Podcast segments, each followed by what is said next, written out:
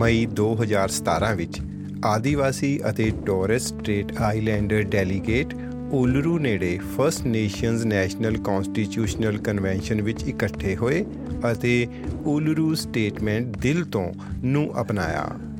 ਇਸ ਸਟੇਟਮੈਂਟ ਵਿੱਚ ਆਸਟ੍ਰੇਲੀਆ ਦੇ ਸੰਵਿਧਾਨ ਵਿੱਚ ਤਬਦੀਲੀ ਦਾ ਪ੍ਰਸਤਾਵ ਹੈ ਅਤੇ ਸੰਵਿਧਾਨ ਵਿੱਚ ਆਸਟ੍ਰੇਲੀਆ ਦੇ ਫਰਸਟ ਨੇਸ਼ਨਸ ਨੂੰ ਮਾਨਤਾ ਦਿੰਦੇ ਹੋਏ ਸੱਚ, ਨਿਆਂ ਅਤੇ ਸਵੈ ਨਿਰਣੇ ਉੱਤੇ ਆਧਾਰਿਤ ਅੱਗੇ ਵਧਣ ਵਾਲਾ ਇੱਕ ਰਸਤਾ ਦਰਸਾਇਆ ਹੋਇਆ ਹੈ।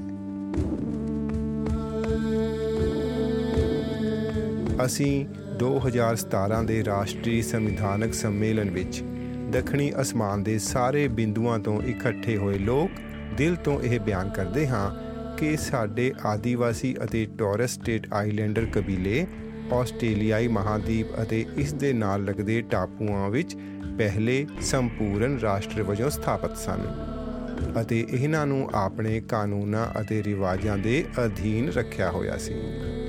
ਸਾਡੇ ਪੁਰਖਿਆਂ ਨੇ ਅਜਿਹਾ ਸੰਸਕ੍ਰਿਤੀ ਦੇ ਹਿਸਾਬ ਨਾਲ ਸਮੇਂ ਦੀ ਸ਼ੁਰੂਆਤ ਤੋਂ ਲੈ ਕੇ ਅਤੇ ਵਿਗਿਆਨ ਦੇ ਅਨੁਸਾਰ 60000 ਸਾਲ ਪਹਿਲਾਂ ਕੀਤਾ ਸੀ।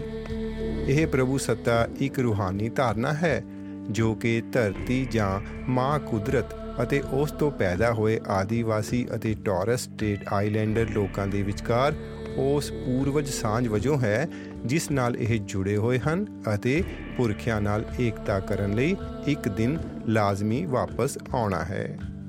ਇਹ ਲਿੰਕ ਮਿੱਟੀ ਦੀ ਮਾਲਕੀ ਜਾਂ ਬਿਹਤਰ ਪ੍ਰਭੂ ਸੱਤਾ ਦਾ ਆਧਾਰ ਹੈ। ਇਸ ਨੂੰ ਕਦੇ ਵੀ ਛੱਡਿਆ ਨਹੀਂ ਗਿਆ। ਮੱਠਾ ਨਹੀਂ ਪੈਣ ਦਿੱਤਾ ਗਿਆ ਜਾਂ ਤਾਜ ਦੀ ਪ੍ਰਭੂ ਸੱਤਾ ਨਾਲ ਨਹੀਂ ਜੋੜਿਆ ਗਿਆ। ਇਹ ਕਿਵੇਂ ਹੋ ਸਕਦਾ ਹੈ ਕਿ ਜਿਹੜੇ ਲੋਕਾਂ ਕੋਲ ਪਿਛਲੇ 60000 ਸਾਲਾਂ ਤੋਂ ਧਰਤੀ ਹੋਵੇ, ਉਹਨਾਂ ਦਾ ਇਹ ਪਵਿੱਤਰ ਜੋੜ ਪਿਛਲੇ ਸਿਰਫ 200 ਸਾਲਾਂ ਵਿੱਚ ਹੀ ਵਿਸ਼ਵ ਇਤਿਹਾਸ ਵਿੱਚੋਂ ਅਲੋਪ ਹੋ ਜਾਵੇ। ਅਸੀਂ ਵਿਸ਼ਵਾਸ ਕਰਦੇ ਹਾਂ ਕਿ ਇਹ ਪ੍ਰਾਚੀਨ ਪ੍ਰਭੂ ਸੱਤਾ ਸੰਵਿਧਾਨਕ ਤਬਦੀਲੀ ਅਤੇ ਬੰਤਰੀ ਸੁਧਾਰਾਂ ਦੇ ਨਾਲ ਆਸਟ੍ਰੇਲੀਆ ਦੀ ਕੌਮੀਅਤ ਦੇ ਪੂਰਨ ਪ੍ਰਗਟਾਵੇ ਨਾਲ ਚਮਕ ਸਕਦੀ ਹੈ। ਅਨੁਪਾਤ ਅਨੁਸਾਰ ਅਸੀਂ ਧਰਤੀ ਉੱਤੇ ਸਭ ਤੋਂ ਵੱਧ ਕੈਦ ਹੋਏ ਲੋਕ ਹਾਂ। ਅਸੀਂ ਕੋਈ ਪੈਦਾਇਸ਼ੀ ਅਪਰਾਧੀ ਨਹੀਂ ਹਾਂ ਅਤੇ ਸਾਡੇ ਬੱਚੇ ਬੇਅੰਤ ਮਾਤਰਾ ਵਿੱਚ ਆਪਣੇ ਪਰਿਵਾਰਾਂ ਤੋਂ ਅਲੱਗ ਹਨ। ਇਹ ਨਹੀਂ ਹੋ ਸਕਦਾ ਕਿ ਸਾਨੂੰ ਉਹਨਾਂ ਲਈ ਕੋਈ ਪਿਆਰ ਨਾ ਹੋਵੇ ਅਤੇ ਸਾਡੀ ਜਵਾਨੀ ਅਸ਼ਲੀਲ ਸੰਖਿਆ ਵਿੱਚ ਨਜ਼ਰਬੰਦੀ ਵਿੱਚ ਪਈ ਹੋਈ ਹੈ। ਭਵਿੱਖ ਲਈ ਉਹ ਸਾਡੀ ਉਮੀਦ ਹੋਣੇ ਚਾਹੀਦੇ ਹਨ। ਸਾਡੇ ਸੰਕਟ ਦੇ ਇਹ ਪਹਿਲੂ ਸਾਡੀ ਸਮੱਸਿਆ ਦੇ ਬੰਤਰੀ ਸੁਭਾਅ ਨੂੰ ਸਪਸ਼ਟ ਤੌਰ ਤੇ ਦਰਸਾਉਂਦੇ ਹਨ। ਇਹ ਸਾਡੀ ਸ਼ਕਤੀਹੀਨਤਾ ਉੱਤੇ ਇੱਕ ਤਸੀਹਾ ਹੈ।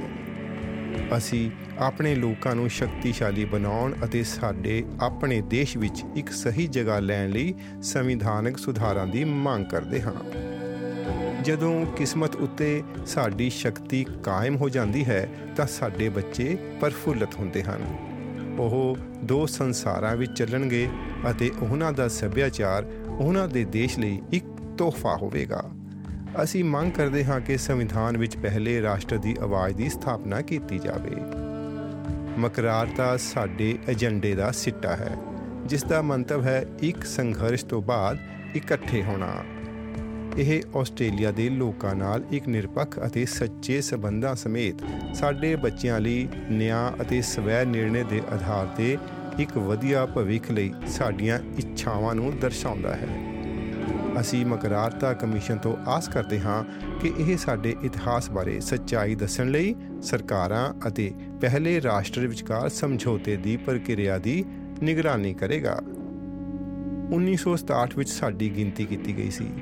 ਅਤੇ ਹੁਣ 2017 ਵਿੱਚ ਸਾਨੂੰ ਸੁਣਿਆ ਵੀ ਜਾਵੇ। ਅਸੀਂ ਬੇਸ ਕੈਂਪ ਨੂੰ ਛੱਡਦੇ ਹੋਏ ਇਸ ਵਿਸ਼ਾਲ ਦੇਸ਼ ਵਿੱਚ ਆਪਣੀ ਯਾਤਰਾ ਸ਼ੁਰੂ ਕਰਦੇ ਹਾਂ। ਅਸੀਂ ਤੁਹਾਨੂੰ ਬਿਹਤਰ ਭਵਿੱਖ ਵਾਸਤੇ ਆਸਟ੍ਰੇਲੀਆਈ ਲੋਕਾਂ ਦੀ ਲਹਿਰ ਵਿੱਚ ਸਾਡੇ ਨਾਲ ਮਿਲ ਕੇ ਚੱਲਣ ਦਾ ਸੱਦਾ ਦਿੰਦੇ ਹਾਂ।